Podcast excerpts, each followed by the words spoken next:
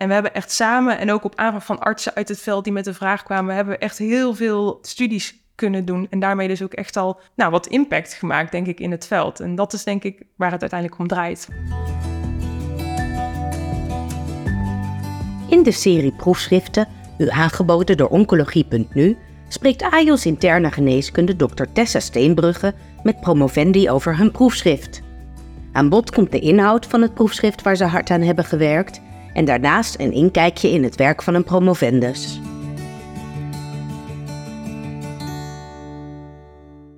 Vandaag spreek ik Lisa van Hoofdstraten. Zij heeft biomedische wetenschappen gestudeerd aan de Radboud Universiteit Nijmegen. Na haar studie is ze begonnen met onderzoek bij het Integraal Kankercentrum Nederland, wat uiteindelijk een promotietraject werd gefocust op de behandeling van blaaskanker. We gaan vandaag de resultaten van onder andere de BLASIP-studie bespreken, blaaskankerzorg in beeld. En Lisa woont samen met Max in Nijmegen en in haar vrije tijd speelt ze graag saxofoon.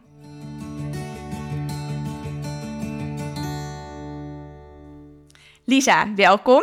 Dankjewel. Nou, we beginnen deze podcast met een algemene vraag en dat is: welk boek of welke serie zou jij aanbevelen aan collega's in de zorg of in de oncologie? Nou, ik uh, zou het boek Keizer alle ziektes aanbevelen. Uh, dat was destijds een tip van een collega van mij bij TKNL. En dat is een, ja, eigenlijk een biografie van kanker. Dus van de eerste ontdekking van kanker tot de nou, evolutie, de ontwikkeling van de behandelingen.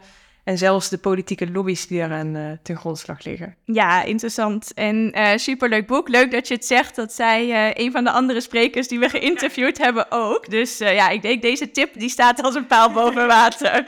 ja, ja, het is een dikke pil, maar ik vond het echt het lezen waard. Ja, ben ik helemaal met je eens. Leuk. Nou, dan nu jouw eigen boek, jouw proefschrift. Ehm, en het gaat over blaaskanker vanuit het IKNL. Hoe ben je hier zo terechtgekomen? Nou, achteraf was dat uh, een perfecte rode draad eigenlijk door mijn opleiding heen. Maar dat zie je pas achteraf. Uh, ik heb biomedische wetenschappen gestudeerd en als hoofdvak koos ik epidemiologie. En al in mijn bachelor deed ik een uh, stage die ging over hoofd-halskanker en de kwaliteit van leven. En dat beviel me echt heel erg goed. En toen heb ik in mijn master als afstudeerstage in Madrid nog onderzoek gedaan oh. naar pancreaskanker. Um, nou, en dat, dat vond ik echt heel erg leuk. Dus ik heb toen uh, wat rondgemaild van... oh, is er niet ergens een promotieplek voor mij? Uh, het liefst op met kanker, met epidemiologie. En via via ben ik eigenlijk bij IKNL terechtgekomen... en dan bij het team Urogenitaal. Mooi, ja. En ik denk als je geïnteresseerd bent in de epidemiologie... dan zit je gebakken bij uh, het IKNL. Zeker, dus, ja. ja. Nou, leuk om te horen. Ik zei het al, we focussen vandaag op blaaskanker. En ik denk goed om uh, aan het begin te noemen, we focussen op niet gemetastaseerde blaaskanker. En dat wil dan zeggen dat er geen metastase op afstand zijn. En we maken dan nog wel onderscheid in hoever de tumor is ingegroeid in de blaaswand en of er dan spierinvasieve groei is of niet. Ja, dat, klopt. Ja, met name dat onderscheid in of het in de spierlaag van de blaas zit, dat is heel belangrijk. Dus dan heb je niet spierinvasieve en wel spierinvasieve blaaskanker. Oké, nou goed, hou dat allemaal in je achterhoofd. En uh, de resultaten die we gaan bespreken, die komen uit de BLAZIP-studie. Dat is een extra cohort binnen de Nederlandse kankerregistratie. Hoe zag dat eruit? Nou, um, we werken met de Nederlandse kankerregistratie, de NKR. En uh, dat is een supermooi voertuig eigenlijk om de studie aan op te hangen. Um, binnen, of in de NKR leggen we eigenlijk altijd al een standaard set uh, variabele items vast van alle patiënten die kanker hebben in Nederland. Uh, sinds 1989 is dat landelijk dekkend, dus hebben we daadwerkelijk van alle patiënten in Nederland deze informatie. En bij Blazip hebben we ervoor gekozen om aanvullende informatie te verzamelen. Dus naast de al bekende patiënt, uh, ziekte- en behandelkenmerken hebben we veel uitgebreidere en gedetailleerde informatie verzameld. Bijvoorbeeld over nou, de operatie die ze hebben ondergaan, of daar complicaties bij zijn opgetreden. Um, maar ook of de uh, ziekte is teruggekeerd, dus recidivering of verergering, progressie. En we hebben daarnaast ook nog kwaliteit van leven data verzameld. En dat hebben we met vragenlijsten gedaan. Oké, nou dat is een mooie set aan extra gegevens. Ja, ja. En hebben jullie dan ook nog naar comorbiditeiten van de patiënten gekeken? Ook, ja. ja, ja uh, je kan het, denk ik, zo gek niet. We hebben echt heel erg veel vastgelegd. Oké, okay. nou, helemaal goed. En uh, de patiënten, welke patiënten zaten allemaal in het blaaship cohort? Uh, we hebben ervoor gekozen om patiënten te includeren die een hoog risico niet-spierinvasieve blaaskanker hebben. Dus dan hebben we het over de carcinoma in situ en de T1-tumoren. En de patiënten die niet gemetastaseerde, maar wel spierinvasieve blaaskanker hebben. En we hebben een inclusieperiode opgesteld van november 2017 tot november 2019. En die patiënten hebben we dan twee jaar gevolgd. Dus eind 2021 is het cohort gecompleteerd. Oké, duidelijk. En om hoeveel patiënten gaat dit ongeveer? Grofweg 6000. Dus dat is best een leuk aantal. Ja, ja nou, daar kan je wel uh, wat onderzoek op doen. Nou, je hebt onder andere gekeken naar hoe vaak behandeling met chemotherapie neoadjuvant, zoals dat geadviseerd wordt in de Europese richtlijn, ook wordt gegeven. En neoadjuvant, dat is dus voor de operatie. Uh, dat wordt bij best wel veel tumoren gedaan en heeft onder andere als voordeel dat de respons nog gezien kan worden aan de tumor die in de blaas zit. Um, het, is, het gaat om de nieuwste richtlijn voor blaaskanker, dus misschien is het goed om te beginnen met uh, voor wie deze aanbeveling van neoadjuvante chemotherapie is. Yes, dat is um, voor de patiënten die dus opgaan voor operatie. Dat is meestal patiënten die een spierinvasieve tumor hebben, want die gedraagt zich agressief en uh, nou, je overlevingskansen zijn echt aanzienlijk slechter als jij een spierinvasieve tumor hebt. Um, die patiënten die moeten ook in aanmerking daarvoor kunnen komen, dus ze moeten fit genoeg zijn. En dat hebben we bepaald aan de hand van de nierfunctie en de performance status. Ja, en dan fit genoeg voor de operatie en de chemotherapie. En de chemotherapie, ja. ja, ja. Dus iedereen die dat zou moeten krijgen, daarvoor is het advies nu om dat van te geven. Ja, ja, en er zijn nog wel wat um, extra criteria eigenlijk. Hè. Bijvoorbeeld uh, gehoorverlies mag niet optreden, want dat is een bijwerking van de chemotherapie die kan optreden. Maar dat hadden we helaas niet in onze dataset. Uh, maar als belangrijkste uh, criteria zijn denk ik de nierfunctie en de performance status wel meegenomen. Ja, en het ging dan om uh, platinum bevattende chemotherapie. Ja. Ja, precies. Oké, nou hoe hebben jullie dit onderzocht? Nou, we hebben binnen Blazif hebben we uh, de patiënten geïdentificeerd waarvan we weten dat ze een operatie hebben gehad. Dus eigenlijk kijken we daarmee terug. Um, en vervolgens hebben we bepaald of die patiënt um, in aanmerking zou komen voor de chemotherapie. Dus we hebben dan geselecteerd op de nierfunctie en de performance status. En binnen die groep, dus die in theorie in aanmerking komt voor de chemotherapie, voor de operatie, hebben we gekeken wie dat dan daadwerkelijk heeft gehad. Ja, dus jullie hebben eerst gekeken wie uh, voldoet aan de criteria volgens de richtlijn en dan hebben ze het ook daadwerkelijk gekregen. Ja, precies. Ja. En hoeveel patiënten waren dat? Uh, uit mijn hoofd waren dat er 277, dus dat was een derde. Uh, dat vonden wij vrij laag. Ja, een derde van de patiënten die het zou moeten krijgen. Ja. Ja, en hebben jullie uh, hier een verklaring voor kunnen vinden? Deels, denk ik. Uh, het is altijd een beetje spannend om hierover te speculeren, maar we denken, uh, nou ja, dat, dat uh, de patiëntenvoorkeur ook een belangrijke rol kan spelen. Uh, zeker voor patiënten met een stadium T2-tumor. Dat is nog ja, een, beperkte spierinvasieve tumor. Daar is uh, het wetenschappelijk bewijs niet heel overtuigend voor. Um, dus zowel de arts als de patiënt die kan dan denken: ga ik die chemotherapie geven of ga ik die chemotherapie aan, gegeven alle bijwerkingen. Hè, en terwijl je maar heel beperkte overlevingskansen ja, zou krijgen. behandeling. Precies. Um, dus patiënten kunnen zeggen: ik wil het niet. Artsen mm -hmm. kunnen ook zeggen: nou, ik wil het niet geven, want ik verwacht niet dat dit de patiënt verder gaat helpen. Um, we hebben dit ook gepoogd in kaart te brengen, de patiëntenvoorkeur, maar dat uh, kregen we helaas niet goed scherp, omdat dat vaak in de dossiers ontbrak. En jullie hadden wel gegevens over de comorbiditeiten. Uh, en die patiënten die vallen dan eigenlijk buiten de patiënten die jullie in aanmerking uh, vonden komen. Of was dat dan, had dat ook nog een rol in uh, het lage aantal wat neoadjuvante chemotherapie kreeg? Ja, daar hebben we wel naar gekeken. Um, en we zagen dat we, we, hebben de patiënten geïncludeerd die sowieso al een goede performance status hebben. En daar hangen de comorbiditeiten, comorbiditeiten ook vaak mee samen.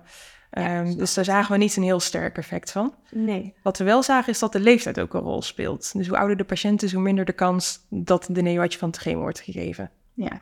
ja, misschien ook wel deels begrijpelijk. Ja, ja, ja. ja. Uh, en de patiënten die uh, niet neoadjuvant chemotherapie kregen, waren er nog patiënten die het dan eventueel wel adjuvant kregen? Ja, daar hebben we wel naar gekeken, maar dat was echt vrij beperkt. Uh, dan hebben we het over een handjevol patiënten van die hele club uh, die dus niet met neoadjuvant behandeld werd. Oké. Okay. Um, dus nee, dus dat was, was echt het minimum. Oké, en als je dan kijkt naar de patiënten die neoadjuvant chemotherapie hebben gekregen, hebben die dan ook een betere overleving dan de patiënten die dat niet hebben gekregen? Ehm, nou, het onderzoeksvraag lag net een beetje anders. Ehm, dus wat we hebben gedaan is kijken naar patiënten die worden behandeld in ziekenhuizen waar vaak neoadjuvant chemo wordt gegeven en patiënten in ziekenhuizen waarbij dat minder vaak wordt gegeven. Ehm, en die patiënten hebben we dan tegen elkaar uitgezet. En dan, dan bedoel ik dus de patiënten die in het ziekenhuis, hè, die veel of weinig neoadjuvante chemotherapie geeft. Maar uiteindelijk... En waarom hebben jullie gekozen voor die aanpak, om het zo te onderzoeken? Uh, nou, omdat we dus ook uh, patiënten meenemen die niet de chemotherapie hebben gegeven. Um, en op die manier proberen we iets te zeggen over de variatie in dat ziekenhuis. Dus in een ziekenhuis waar vaak chemotherapie wordt gegeven, versus een ziekenhuis waar minder vaak chemotherapie wordt gegeven, zien we dat die variatie, of dat invloed heeft op de overleving. En daar leek het inderdaad op. We zagen een net niet significant verschil, maar wel eh, een vrij duidelijke trend naar hè, als ziekenhuizen vaker chemotherapie geven, dat de overleving van die patiënten dan ook beter is, ongeacht of ze chemotherapie hebben gehad of niet. Oké, en dat kon je niet verklaren door de karakteristieken van patiënten of de fitheid of de het stadium van de tumor? Nee, nee, daar hebben we naar gekeken. We hebben naar leeftijd en comorbiditeiten gekeken. En als we alle patiënten bij elkaar uh, bekeken, hebben we ook gecorrigeerd voor stadium. We hebben het ook apart van elkaar bekeken. En dan zagen we echt heel duidelijk voor die T2-groep, waarbij dus nou, de wetenschappelijke literatuur uh, wat onduidelijk is. nou, dat daar wel een verschil lijkt te zijn. Maar ja, niet significant. Dus we moeten een beetje voorzichtig zijn met de uitspraken. Maar het lijkt er in ieder geval wel op uh, dat die variatie dus impact heeft op de overleving. En dan ten voordele, of wanneer is er een betere overleving? Als de ziekenhuizen vaker chemotherapie geven, dan lijken de patiënten het ook beter te doen. Okay. En we denken dat dat komt omdat die ziekenhuizen uh, wellicht meer patiënten zien, misschien meer expertise hebben. Um, en dus beter uitgerust zijn ook om die patiënten te behandelen. Maar dat is speculatie, dat uh, zouden we het liefst een keertje willen uitzoeken. Ja, ik denk ook dat uh, hier wat extra onderzoek naar nodig is, maar een belangrijk signaal wat jullie hebben gevonden. Ja, zeker. En op basis van deze gegevens, wat zou je aanbeveling zijn voor dokters in de kliniek?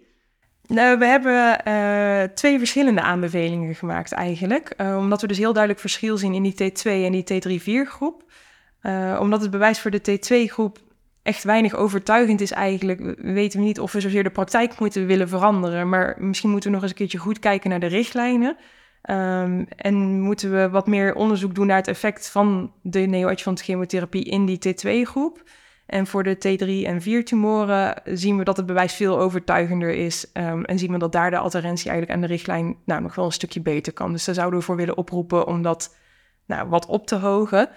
Um, maar ik denk de bottom line is dat er dus wat meer eenduidigheid moet komen in het beleid dat we nu voeren op de neoadjuvante chemo. Ja, waarbij het dan misschien nog wel heel lastig is dat misschien ook uh, factoren een rol hebben gespeeld die jullie helemaal niet, niet hebben kunnen meten in uh, de gegevens. Ja, ja, dat is altijd het nadeel, denk ik, van observationeel onderzoek. Dat je, je hebt altijd dingen die je nog zou willen meenemen. Um, maar aan de andere kant hebben we, uh, denk ik, wel het voordeel dat we dus een weerspiegeling hebben van hoe het echt in Nederland eruit ziet.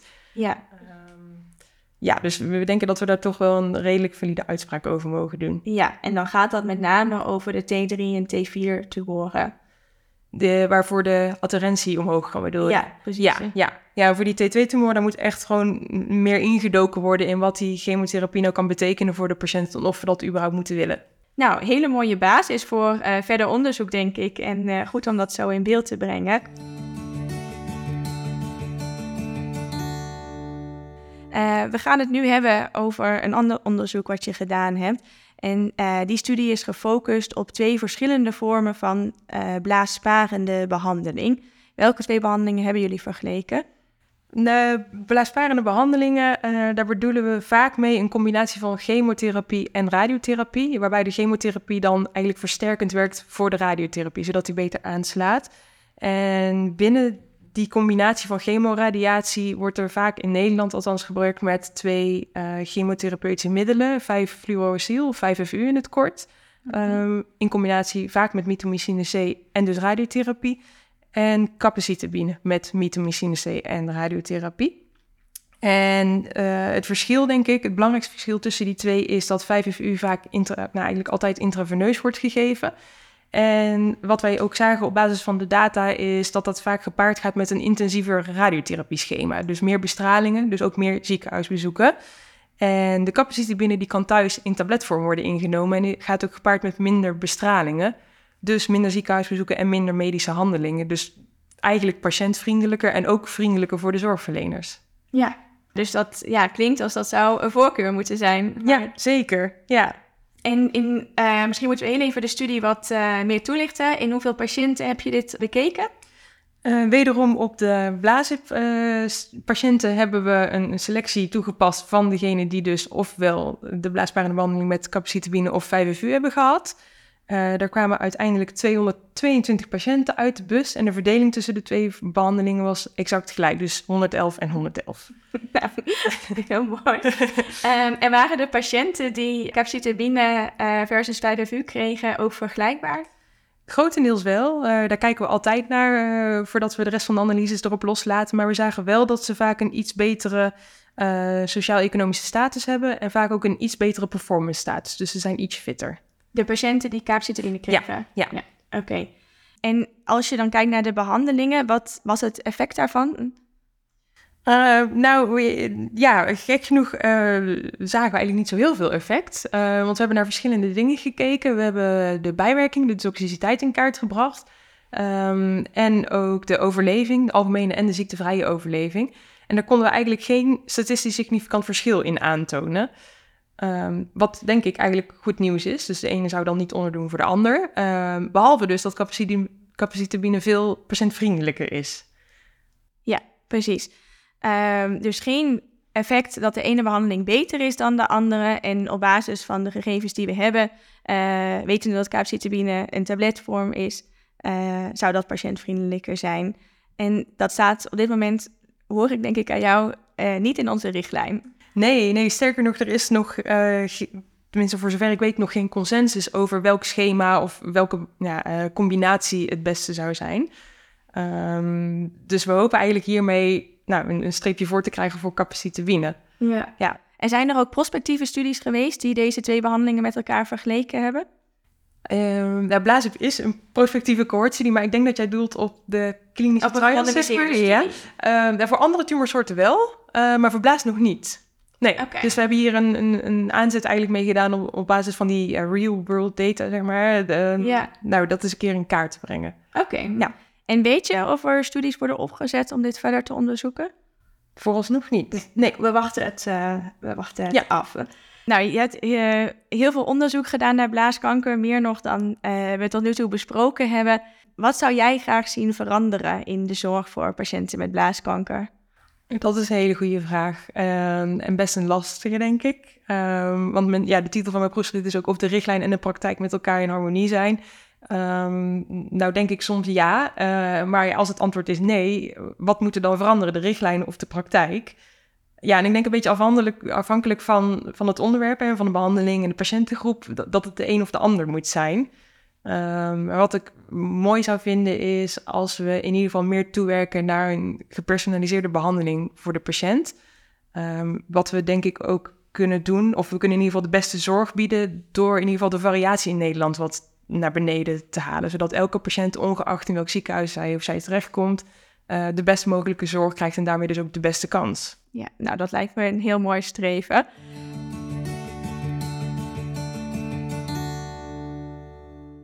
Nou, je hebt ook heel veel, je hebt het zelf al een paar keer gezegd, gebruik gemaakt van real-world data. Ik denk dat we jou inmiddels wel een expert mogen noemen.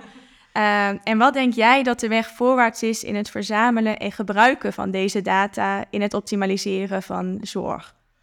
Nou, allereerst dat we dat moeten blijven doen. Uh, dat is een hele belangrijke. Um, en dan is de tweede vraag, denk ik, hoe we dat moeten doen. En ja, dat is nog best wel een flinke kluif. Want we hebben het natuurlijk over heel veel data en we willen ook steeds meer data, meer gedetailleerde data. Um, dus ik denk dat een van de stappen daarvan is um, door meer automatisering, dus bijvoorbeeld automatisch inlezen van de data, registratie aan de bron, uh, wordt ook regelmatig genoemd. Um, en daarvoor is het denk ik ook nodig dat we onze data gaan standaardiseren overal en harmoniseren, zodat we het niet alleen in Nederland kunnen gaan uitwisselen, maar ook internationaal. Ehm, en ik denk wat een hele mooie manier is om dat te doen, is ook door gebruik te blijven maken van bestaande registries, infrastructuren, uh, et cetera, et cetera. Zodat we niet het wiel opnieuw gaan uitvinden. Ja, en ja, heel mooi dat je dat ook zegt. Ik zag dat als statement in je proefschrift staan, het wiel niet opnieuw uitvinden.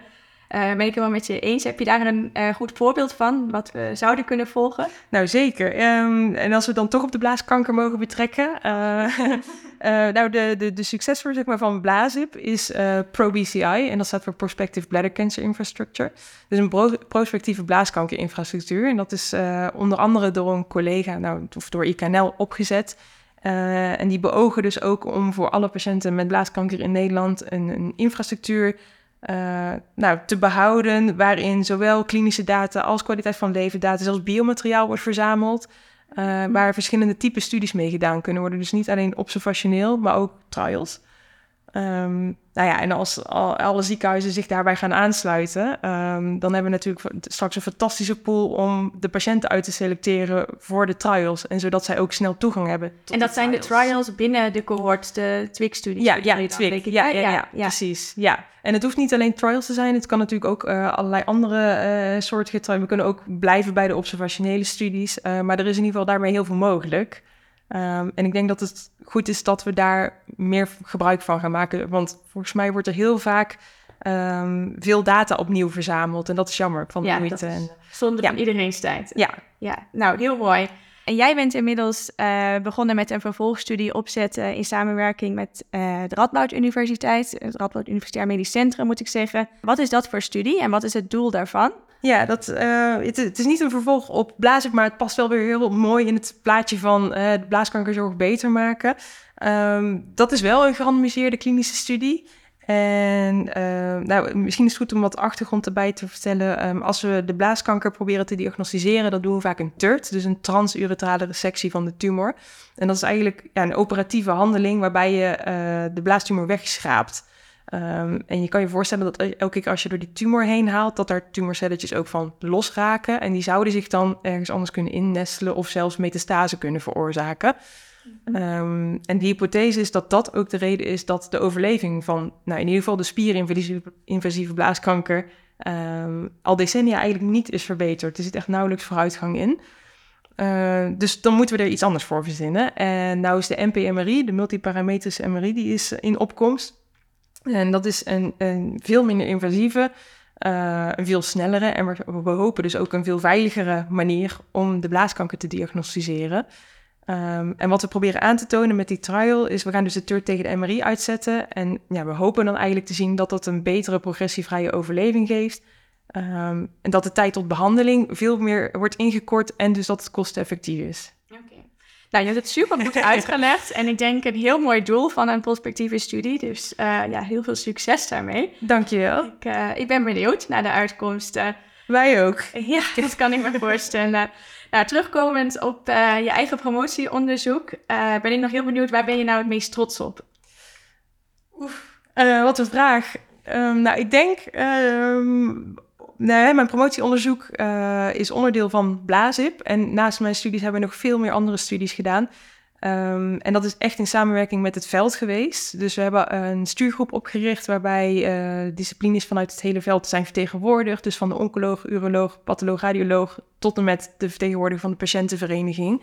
En we hebben echt samen, en ook op aanvraag van artsen uit het veld die met de vraag kwamen, hebben we echt heel veel um, studies kunnen doen. En daarmee dus ook echt al nou, wat impact gemaakt, denk ik, in het veld. En dat is denk ik um, waar het uiteindelijk om draait. Want een paper publiceren is natuurlijk hartstikke leuk. Uh, ik heb ook echt op de stoel staan gillen uh, toen mijn eerste paper er doorheen was. Uh, maar als je uiteindelijk ook echt iets kan betekenen voor de patiënt of de zorgverlener, ja, dat, dat is echt heel erg gaaf om te zien. Nou, dat kan ik me helemaal voorstellen. En dat heb je ook zeker gedaan als ik zo naar je proefschrift keek. Ja, ja, ja. leuk. Heb je ook voor huidige promovendi of voor toekomstige promovendi een advies als ze aan het traject gaan beginnen? Um, ja, ik denk um, dat je uh, ervan moet proberen te maken uh, wat je eruit zou willen halen. En, en daar bedoel ik mee dat een promotietraject is niet alleen hè, je, onderzoek uh, doen en je papers publiceren, maar het is ook echt de kans om je wat meer te verdiepen of te verbreden. Dus dat was voor mij ook echt de reden om een promotietraject aan te gaan. Dus als je denkt van, oh, hier wil ik echt meer van leren... of ik wil dat nog heel graag een keer proberen... dan is dat volgens mij echt de kans... Uh, het die je moet inderdaad met twee handen moet aangrijpen. Dus dat zou ik dan echt doen. Ja, nou, dat is een heel goed advies. Heel erg leuk om jou gesproken te hebben en dank voor de toelichting op alle studies. We wensen je heel veel succes op 19 december. Dankjewel. Gaat u zelf uw proefschrift binnenkort verdedigen en vindt u het leuk om een podcast op te nemen? Laat het ons weten via info.uitgeverij-jaap.nl